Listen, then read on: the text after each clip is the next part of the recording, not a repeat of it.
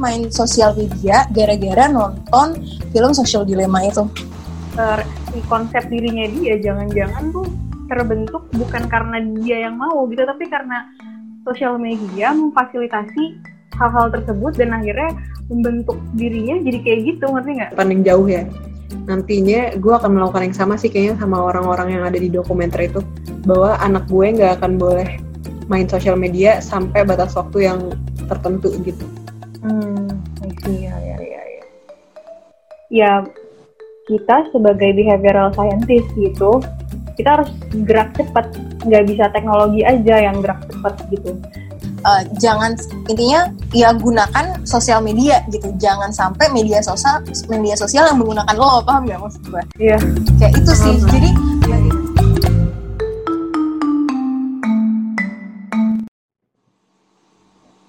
Oke. Okay. Halo teman jalan. Selamat. Finally ya guys. Kita masih dalam situasi di rumah aja dong. Kita jadi lebih kenal sama teknologi Zoom ya. Untungnya ada teknologi Zoom meski gue di rumah, Dini di rumah, Dira di rumah. Cakep-cakep banget sih lo semua. Terima kasih kepada fitur Zoom. Karena kalau ngaca muka gue kagak sebagus ini, coy. Untung kita masih, alhamdulillah ya, masih bisa diberikan kesempatan. Oke, okay, balik lagi sama kita bertiga nih guys di podcast seperempat jalan. Tapi sekarang kita brandingnya baru ya nggak sih? Eh, gila kita banget jadi pakai video. Kita punya logo baru. Bentar lagi bikin uh, uh, Liko kajian bertiga. Oh, Aduh, mantap. Masya Allah, ya kan? Iya. Jadi kita tuh bakal uh, punya panggilan ya nggak sih sambil kita rebranding ini, yo hmm. rebranding. Uh, uh, karena pandemi juga sebenarnya kita udah mau seriusin gak sih podcast kita waktu itu, tapi karena pandemi yeah. jadi iya. kelelep lagi nih, hmm. jadi kayak uh, berusaha adaptasi juga ya dengan situasi pandemi sampai akhirnya kita bisa kembali lagi hari ini. Nah panggilan kita mungkin tadi teman-teman udah aware dikit sekarang kita kalau manggil kalian nih sebagai pendengar podcast perempat jalan adalah apa bu ibu? Teman, teman jalan. Karena kita kangen traveling ya, ya kayaknya. Kita kangen traveling jadi ini.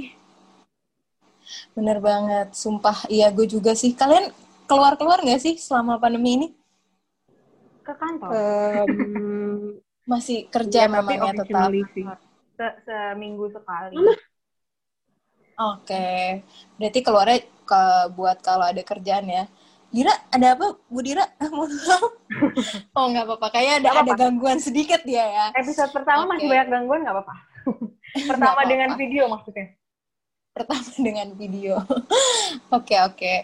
Nah iya jadi uh, panggilan kita yang baru buat kalian mendengar kita tuh adalah teman jalan. Karena ya kita akan mengarungi seluruh perjalanan ini bersama kalian nih kita kita temenin nih kalian sebagai teman kita kita sebagai teman kalian gitu ya bersama-sama menuju tujuan. Ye, oke. Okay. Oh maaf ya Bu, ada sedikit distraksi. Nggak apa-apa, nggak apa-apa. Ini realita di balik WFH. Memang biasa kalau ada meeting. Tadi kan lo sebenarnya udah cerita ya Din kalau lo sebenarnya sekarang ini berarti sibuknya ya kerja ya kan? Mm -mm. Kerja. Kerja. Terus habis itu. Terus ngapain aja? Ya karena WFH ya, gue nggak tahu somehow hmm, kerjaan tuh jadi kayak nggak ada habisnya gitu. Iya, oh, oke oke. Ada cerita kayak gitu.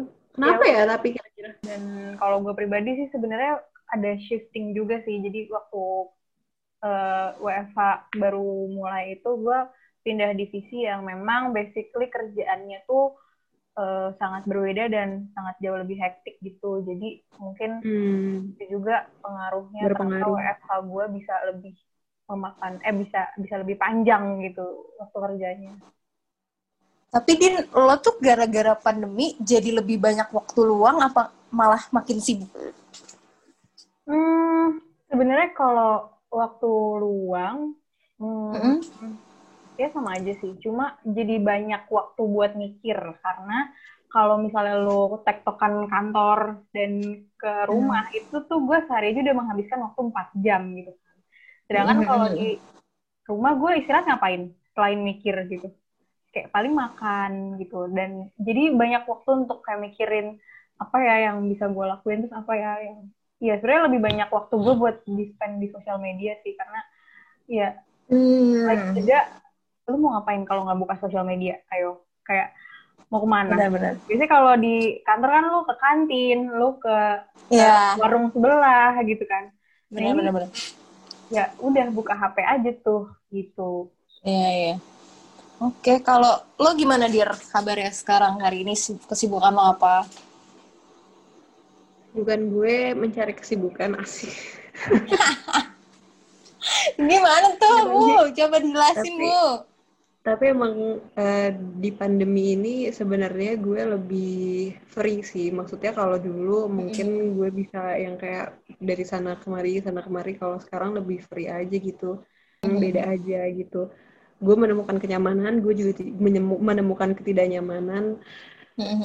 Eh, terus kalau Dini bilang eh, jadi lebih banyak main di sosial media, gue sebenarnya setuju sih karena Hmm. eh, bukan media sebenarnya tapi kayak kegiatan-kegiatan kayak webinar gitu-gitu kan. Dulu kan Iya. waktu berjamuran Benar, benar. udah kayak kacang Benar. banyak banget. Terus kayak ya kelas-kelas apa lo mau ikut? Maksud gue kayak eh, pasti orang-orang nggak pernah kepikiran deh buat eh, melakukan hal itu gitu belum pandemi. Tapi sekarang jadinya banyak banget dan itu normal. Dan menurut gue, Hmm. menurut gue malah jauh lebih seru yang kayak gini gitu. Jadi orang-orang dari dari Sabang sampai Merauke bisa ada di satu tempat yang sama. Jadi eh, sebenarnya kalau mau masuk ya banyaklah hal-hal menurut gue yang lebih positif yang dihasilkan dari kegiatan di Hmm. sosial media itu gitu Mhm. kayak gitu sih Iya sih, bener banget sih kalau yang webinar-webinar itu gue merasa, jujur ya, gue merasa terbantu banget karena kapan lagi lo bisa nonton webinar sambil di kamar mandi, ya gak sih? kayak jujur banget dulu tuh, gue tuh orangnya, maksudnya kayak ya adalah curiosity buat belajar kan, apa sih? Gue tuh dulu, pas masih kuliah ya, Ya, pas masih kuliah, berasa tua lu. Ya, jadi pas masih kuliah, alhamdulillah udah lulus bunda-bunda ya. Eh, pas masih kuliah dulu, pas masih ada kelas gitu kan, masih ada kelas, gue tuh sering banget menemukan momen di mana, aduh gue mau ke kamar mandi, tapi gue takut ketinggalan materi gitu.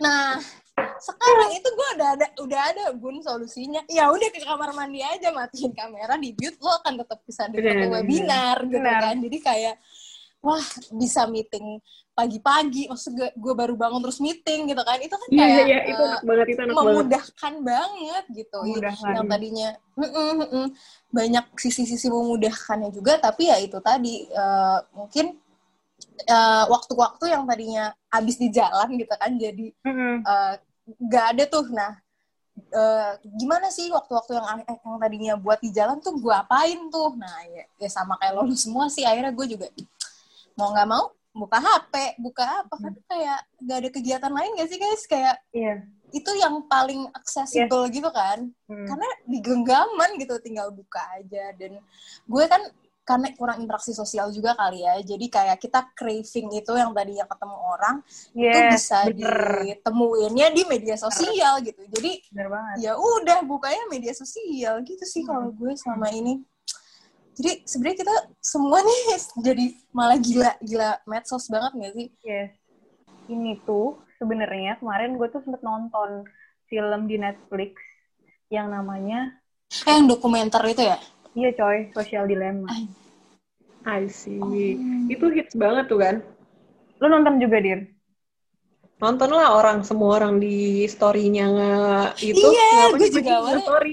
Masa lagi nonton itu kayak gimana? Gue kagak nonton kan anak apalagi FOMO banget. circle kita anak psiko cuy sama concernnya ke mental health. Hmm. Iya sih benar.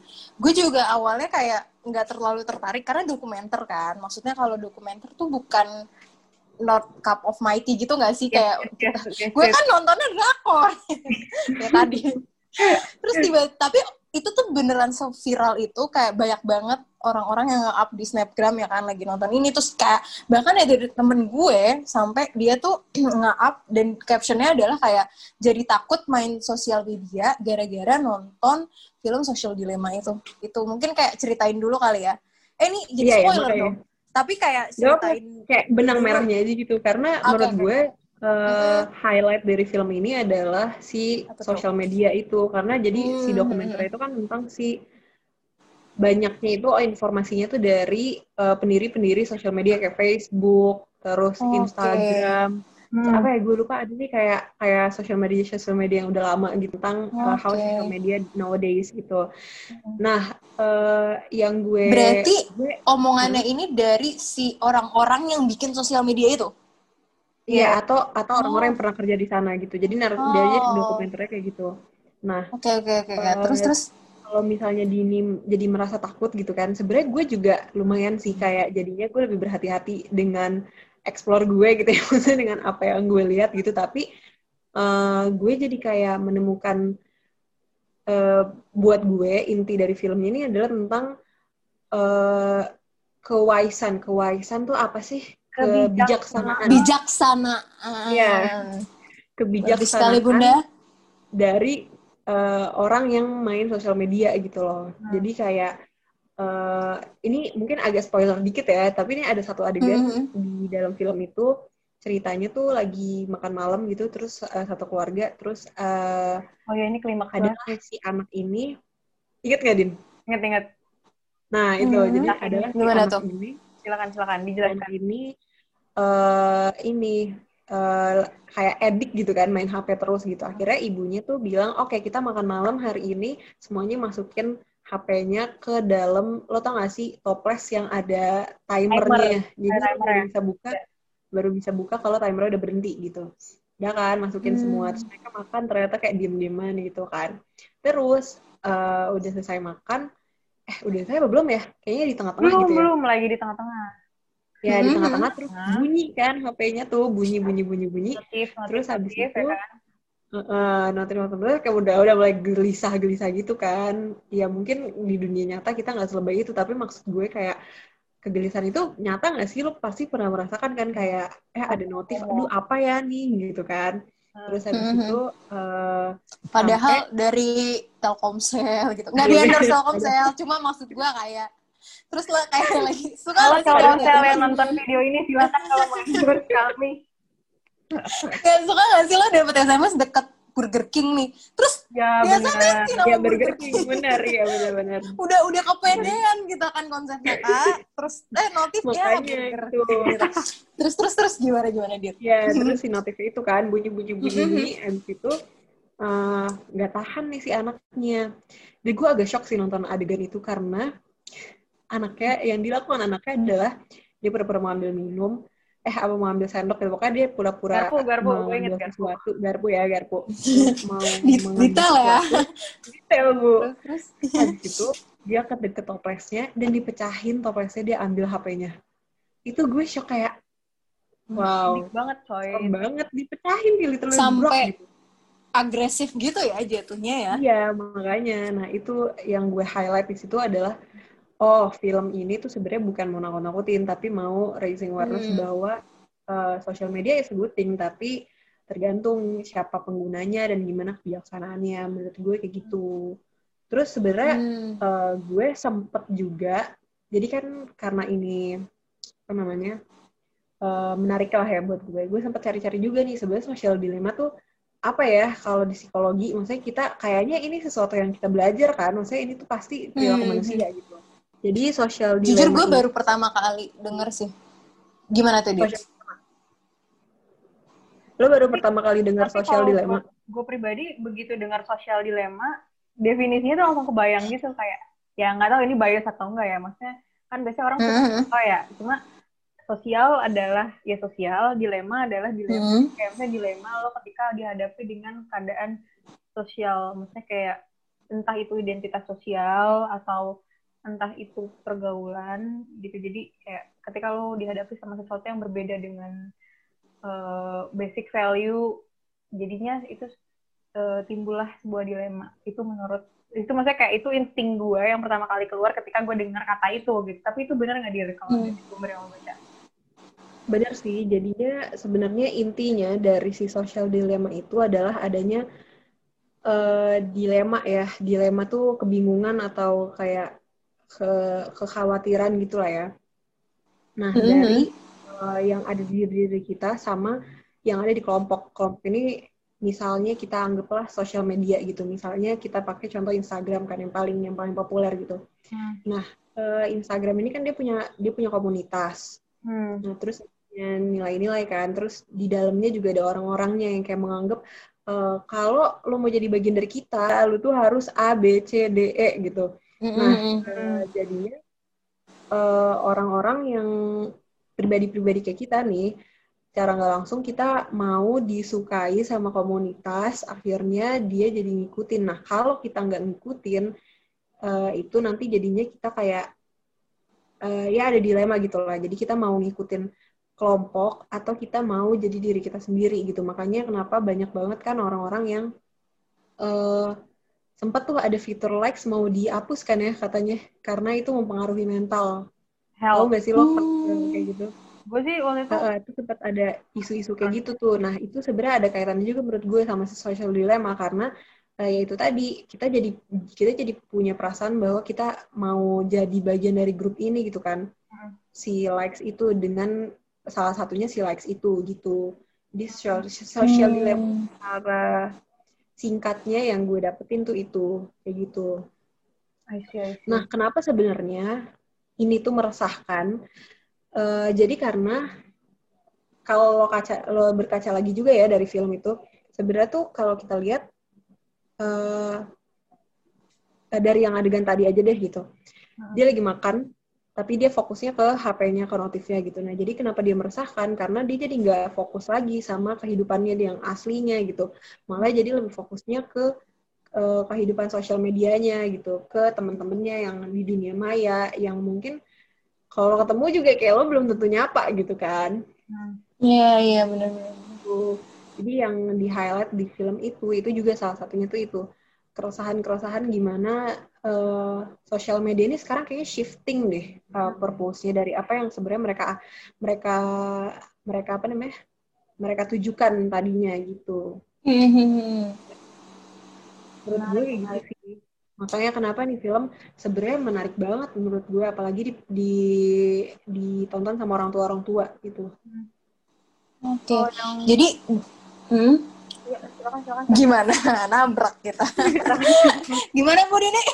ya, gue mau nambahin dikit mungkin. Kalau dari hmm. tadi kan si Dira tentang, uh, bahas tentang mereka keluar dari tujuan awalnya gitu ya. Karena Iya, yang gue ingat juga salah satu ahli, aduh gue lupa siapa di dalam film itulah dia bilang kalau sebenarnya pada awalnya dia dikerja dipekerjakan di Facebook itu dia.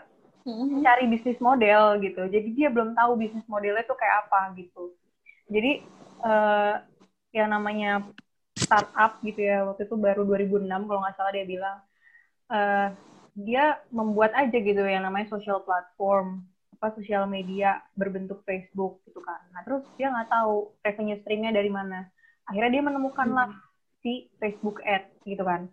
Terus di Facebook Ads itu akhirnya uh, supaya bisa bergerak berproduksi artinya dia harus gain uh, apa namanya customer sebanyak-banyaknya kan.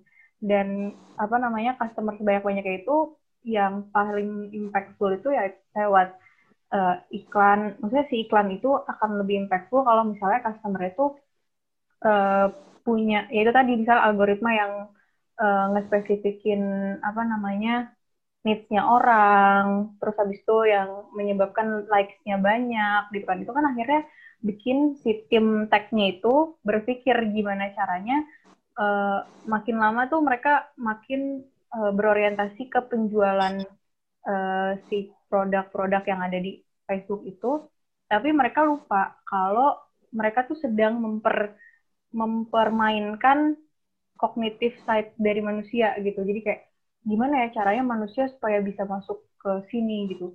Gimana ya experience journey apa yang kita kasih gitu gitu. Jadi intinya dilemanya tuh sebenarnya si orang-orang teknya sendiri tuh juga dilema gitu.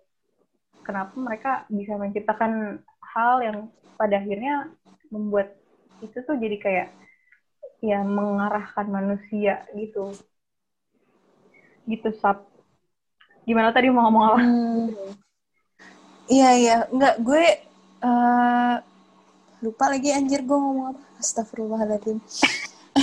Nggak intinya adalah gue tuh soalnya kayak ngerasa banget dulu ya dulu. Oh gue gue beringet gue beringet ngomong apa guys Nggak, pas tadi Gira ngomong tiba-tiba mention ba, uh, sebut bahwa fitur likes itu sempat mau ada dihilangin ya Dir.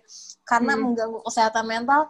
Sumpah jujur kayaknya gue pernah berada di fase-fase di mana gue sangat uh, apa ya sangat deg-degan tiap gue ngepost di Instagram gue likes-nya tuh berapa gitu. Pernah gak sih lo ngalamin masa-masa itu? Jadi alhamdulillah sekarang udah gak lagi. Sekarang gue udah kayak gue ngepost sesuatu itu karena ya ya udah gue memang mau ngepost itu. Maksudnya it is meaningful buat gue dan gue nggak peduli likes itu seberapa gitu. Tapi dulu itu gue tuh bener-bener kayak mempertanyakan kualitas fotonya tuh gue bener-bener kayak kualitas fotonya harus bagus gak boleh burem. Captionnya harus bagus kayak nggak boleh yang basic gitu kan. Terus kayak kalau kalau likes ini nih terus ketika gue udah up terus like saya dikit gue tuh insecure gitu loh ada sama ada dong. masanya sama gimana oh, iya, iya, udah iya. abis insecure tuh mikir banget terus habis itu kayak ah udah gue delete aja itu tuh ada pernah mengalami masa itu jadi Hmm. kayak ya make sense juga sih si fitur like ini mempengaruhi sih menurut gue Iya kayak benar-benar. gitu Terus itu exactly gitu gue yang merasa relate. dalam filmnya sih. Mhm. hmm. Dan lu kebayang gak sih kalau misalnya kita ketika kita masuk ke sosial media itu berarti lu umur berapa? Kayak waduh SD ya, kali gue by the way, by law, by law sebenarnya kalau di sosial media itu ada hukum, lo hukum Iya hukum-hukum. Maksudnya di, Iya, di kenapa? agreementnya, di agreement di Oh. sosial media itu sebenarnya tiap-tiap sosial media itu ada. Dan setahu gue, Instagram itu 13 tahun. hmm, Cuma, Jadi waktu kayak itu sih gue udah cukup umur sebenarnya. kalau Lu di bayangin ya, waktu itu. Hah? eh Kenapa? jujur gue juga nipu umur lagi iya pas awal-awal buat kayak Bener. menuakan diri sendiri ya kan demi, Iya, bener. demi punya akun dulu SMP SMP tuh gue masih 12 tahunan kayak gue menipu tapi ya udahlah terus Nah, lu bayangin gue itu bikin Instagram tuh SMA. SMA kelas 2 deh kayaknya. Itu aja gue Wah, masih kena telat sih gue SMP gue SMP Iya bener, gue tuh dulu nggak mau bikin Instagram, tapi itu gara-gara Hmm. orang-orang pada main Instagram, ya udah deh gue coba gitu kan. Hmm. Gue yang udah merasa gue umur udah cukup aja, sam- sekarang pun gue jadi sering banget menjauhkan diri dari Instagram karena menurut gue kayak gila ini efeknya apa gitu, parah banget Hmm. gitu. Gimana kalau lo bayangin aja pengguna-penggunanya itu adalah anak-anak kecil kayak sekarang lo lihat Yes. mungkin Yes. kayak parah masih SD gitu kan apalagi gue nggak tahu sih kalau kalau sosial media yang lain itu dia uh, um, ketentuan umurnya berapa tapi menurut gue banyak banget sekarang sosial media yang main tuh anak-anak SD dan mereka juga gue nggak tahu apa mereka disupervisi sama orang tuanya kayak gitu Hmm. dan itu yang maksud gue berbahaya tuh itu karena eh, di saat algoritmanya teknologinya udah secanggih itu tapi manusianya itu belum siap gitu dengan berbagai informasi parahnya lagi Mhm. algoritmanya Instagram nih atau apa pun itu algoritma di sosial media once lo buka misalnya nih dia kepo dia ngeliat di eh, misalnya dia ngeliat di mana gitu ada eh, youtuber siapa misalnya DJ Butterfly gitu misalnya yang seksi banget itu terus habis itu jujur nggak tahu. Maaf ya bunda. Gue terlalu update. Akhirnya gue taunya gara coba. Dia sekarang mualaf coy. Iya udah oh, alhamdulillah alhamdulillah bunda. Jadi gue masih nggak tahu tapi nggak apa-apa. Gue mendoakan yang terbaik untuk dia. gue denger berita kalau si DJ Butterfly ini mualaf gitu kan. Terus pas gue kepoin hmm, masa lalunya hmm gitu kan. Terus Hmm. ya, misalnya Hmm. kayak gitu. Misalnya dia uh, ngepoin si DJ Butterfly ini gitu kan. Hmm, hmm, hmm, hmm. Akhirnya si algoritmanya itu bekerja kan, hmm, nih orang punya interest di sama DJ Butterfly. Akhirnya di explore-nya dia, di YouTube-nya dia, recommendation-nya keluar di DJ Butterfly ya kan. Akhirnya Hmm. eh, si konsep dirinya dia jangan-jangan tuh terbentuk bukan karena dia yang mau gitu, tapi karena sosial media memfasilitasi hal-hal tersebut dan akhirnya membentuk dirinya jadi kayak gitu, ngerti nggak? Bahaya nggak tuh? Jadi ketika teknologi jauh lebih cepat daripada orang, itu itu Hmm. gitu. Gitu sih. Dan iya yang seremnya lagi dia nggak nyadar gak sih kayak Heeh. dikiranya eh, ya udah semua ibarat kayak wah konspirasi alam semesta nih gitu kan. Gak sih maksud gue kayak kayak ibarat gue lagi suka banget sama satu uh, tokoh Korea gitu kan. Terus hmm. habis itu gue search dia di Instagram. Terus pas gue buka Google atau gue buka search engine lain gitu gue buka YouTube keluarnya itu lagi gitu kan. Pasti kan ada yang kayak hm, apakah semesta menginginkan aku bersama dia gitu kan. Iya. Padahal mah sebenarnya algoritma, tapi kitanya yang kayak kita tuh nggak aware bahwa ada sistem yang bekerja di balik itu semua gitu ya. Sampai akhirnya kayak ya itu mempengaruhi penilaian kita tentang diri kita, konsep diri kita gitu kan. Wah, gila sih, serem juga ya. Mungkin ya ini adalah momen titik balik bahwa uh, kita harus sadar bahwa itu tadi media sosial dan apa yang ditampilkan dan apa yang ada di sekitar kita tuh bisa banget loh membentuk diri kita gitu kan. Mm-hmm. Mungkin kita ya harus sadar itu dulu kali ya untuk supaya jangan terlalu terpengaruh kali pada akhirnya. Iya. Yes. Menurut lo gimana?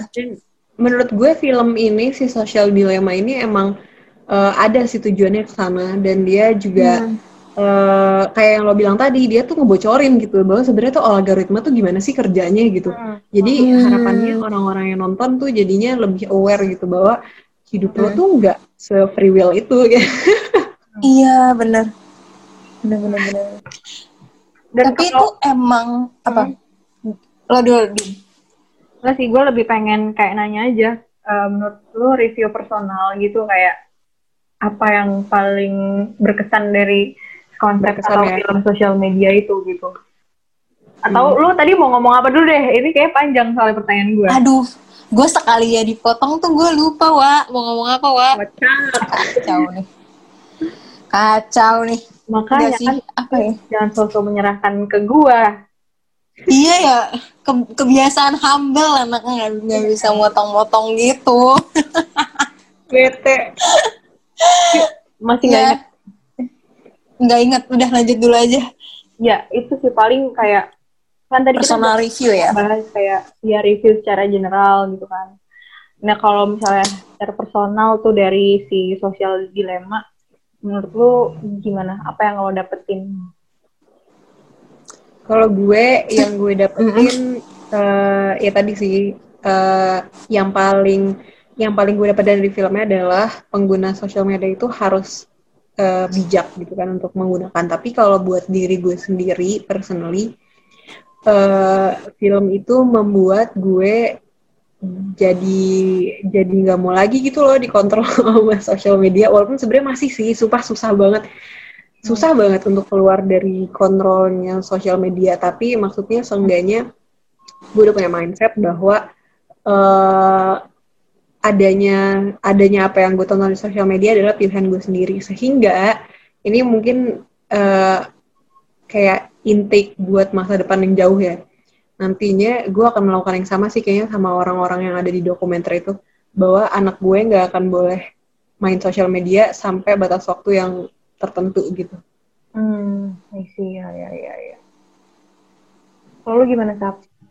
Sabila emang Kalau gue dulu sebenarnya gue kan belum nonton sama sampai full nih sejujurnya banget nih kan. Kayak gue cuma nonton sekalibat trailernya doang dan kayak lihat review-review orang yang kayak ya itu nggak up di snapgram tadi. Cuma kayak dari cerita-cerita kalian tadi sih gue ngelihatnya tuh uh, ya semakin tersadarkan sih soal algoritma ini. Sebenarnya serem banget. Sebenarnya ini gue baru inget tadi gue ngomong apa ya. Jadi gue tuh ke, tiba-tiba kepikiran anjir berarti sebenarnya serem juga ya. Maksudnya kita tuh kayak lama-lama maksudnya dengan algoritma-algoritma itu kita jadi nggak bisa berpikir kritis gitu nggak sih karena kita terbiasakan hmm. disuapin sama hal-hal yang kita suka gitu nggak sih kayak hal-hal yang uh, pro dengan pendapat-pendapat kita gitu kan jadi kayak ibarat hmm. uh, jadi ketika ada yang bertentangan dengan kita dia nganggap itu nggak ada gitu nggak sih kayak ya hmm. gitu jadi nggak bisa berpikir dari dua sudut pandang gitu sih kalau gue mikirnya jadi nggak cuma sebatas mm, like study gitu kan. Maksudnya itu kan kayaknya mungkin superficial banget. Tapi padahal ada yang lebih deeper lagi gitu loh kayak uh, pola berpikir gitu lama-lama ideologi apa-apa gitu kan. Itu kayak serem iya. banget di ya lo kebayang gak sih kalau itu terjadi ketika ada election kayak sekarang nih? Hmm, ya kan? Amerika Serikat. Amerika Serikat ya kan? Ketika mm-hmm. lo udah punya satu apa namanya uh, posisi gitu. Misalnya gue pro ke Trump gitu ya amit-amit ya Allah. Intinya gue pro ke satu sisi gitu misalnya ke Trump. Terus habis itu gue kan uh. terus-terusan dikasih apa namanya info rekomendasi tentang hal-hal yang berbau yeah. Trump dan juga hal-hal yang ber, yang berkaitan sama oposisi tapi itu negatif gitu misalnya. Dan akhirnya itu ya itu menjadi lebih sulit untuk kita sebagai manusia menyaring informasi yang benar-benar objektif benar gitu. benar. Gitu sih. Benar benar iya tadi itu sih makanya, uh, mungkin personal review. Kenapa kenapa? Gue dulu deh kenapa kalian iya makanya makanya wajah wajah tadi nanya ke gue marah marah. Ya mungkin dulu dulu ayo dulu cuma emang butuh sinkron banget gak sih kalau secara zoom gini? Iya, dibanding kayak kalau misalnya kalau langsung kita colak gitu kan. Smooth banget gak sih? Kayak wah nggak apa-apa kita belajar guys. Iya benar-benar. Oke. Aduh kan gue lupa lagi gue mau ngomong apa. Iya jadi itu personal review lo. Terus iya iya iya intinya personal review gue ya itu sih bahwa uh, ada dark side-nya juga gak sih dari media sosial ini padahal ya sebenarnya uh, tetap ada menurut gue tetap ada sih sisi-sisi positifnya jadi uh, mungkin ada satu quotes gue nggak tahu sih quotes atau apa tapi kayak gue sering banget denger ini jadi kayak uh, jangan intinya ya gunakan sosial media gitu. Jangan sampai media sosial media sosial yang menggunakan lo paham gak maksud gue iya. Kayak itu sih. Uh, jadi iya, bagi iya. ya walaupun kita tahu kita tahu nih dibaliknya sekarang bahwa kita sebenarnya nggak punya kontrol-kontrol banget karena ujung-ujungnya sebenarnya pilihan dari kontrol itu juga dari si algoritma ini. Tapi ya bagaimana caranya ya kita tetap bisa menggunakan itu dengan bijak sih sama kayak Dira hmm. gitu. Karena yeah.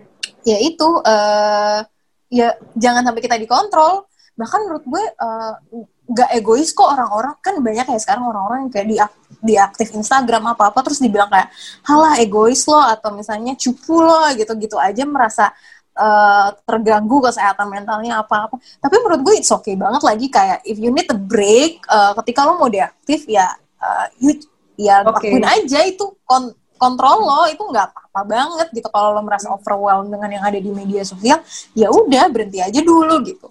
Menurut gue itu sih. Jangan sampai digunain sama sosial media. Setuju. Setuju menurut lo? Din? Oke. Okay. iya.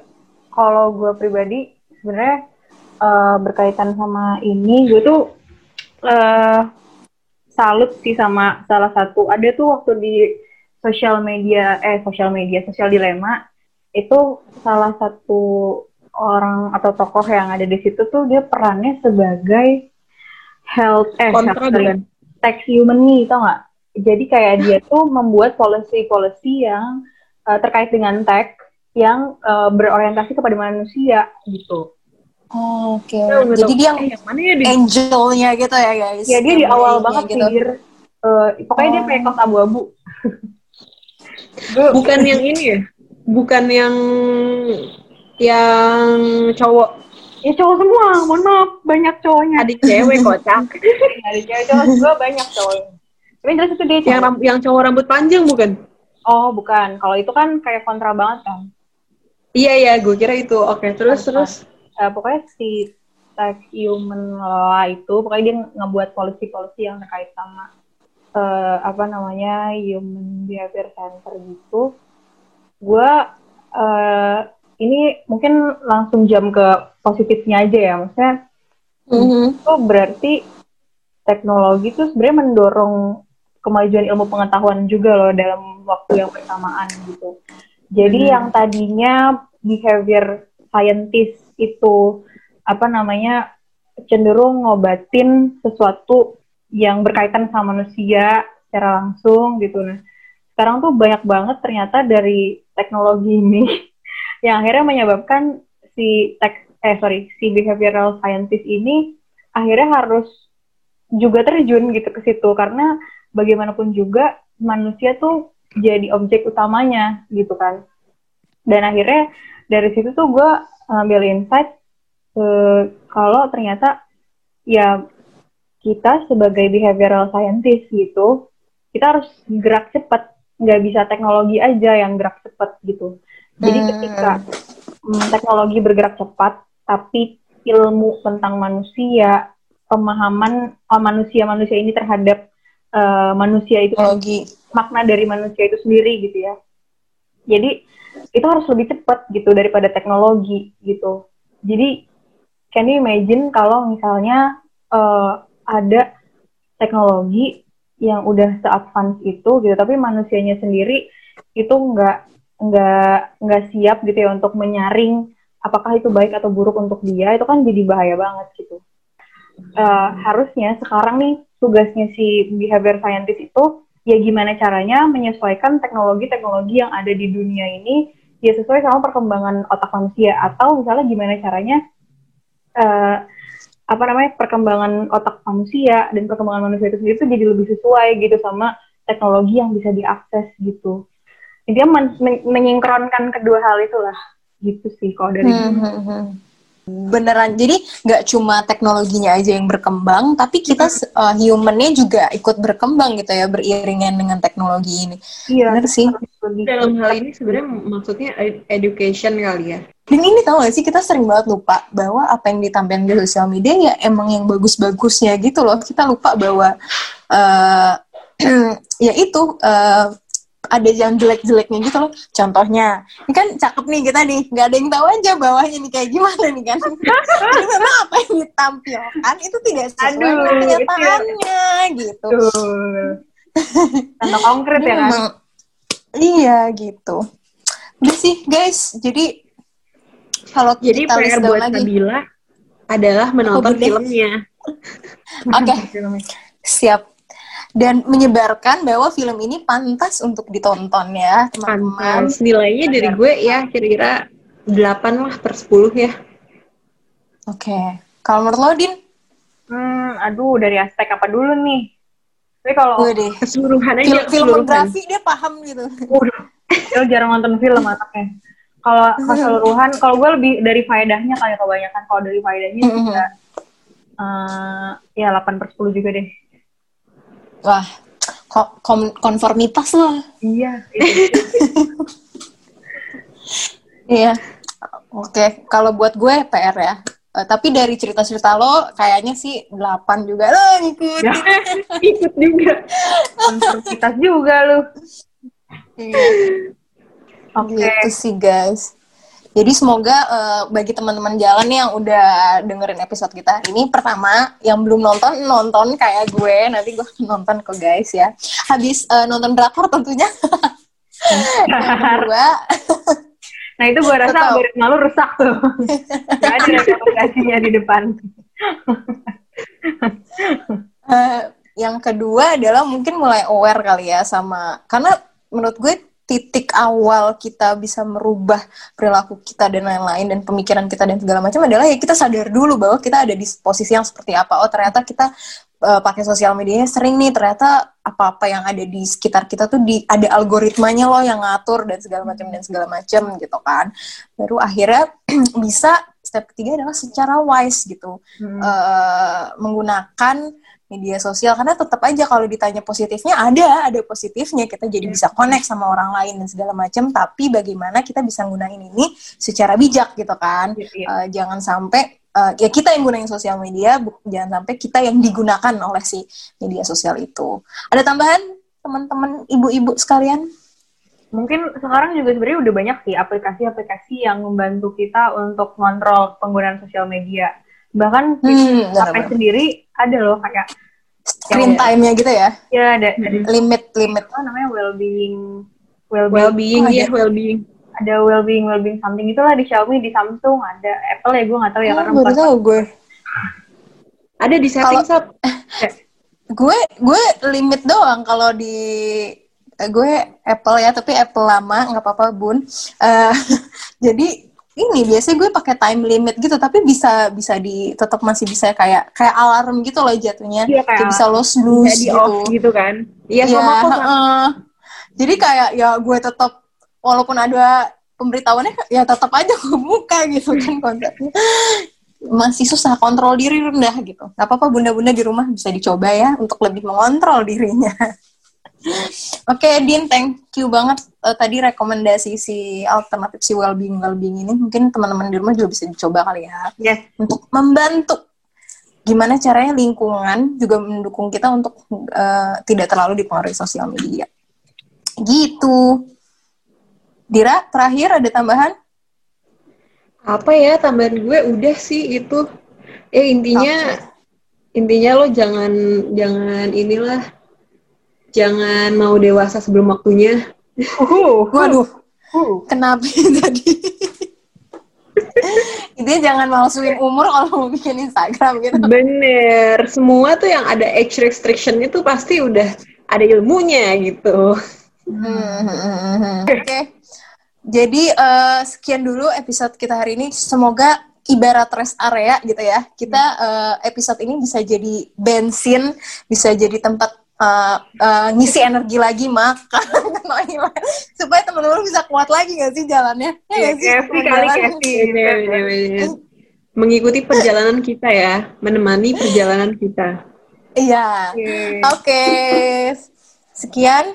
Eh, selamat berjalan kembali, teman jalan. bye mom Bye ayah, kan di sini yang nonton ayah dan bunda.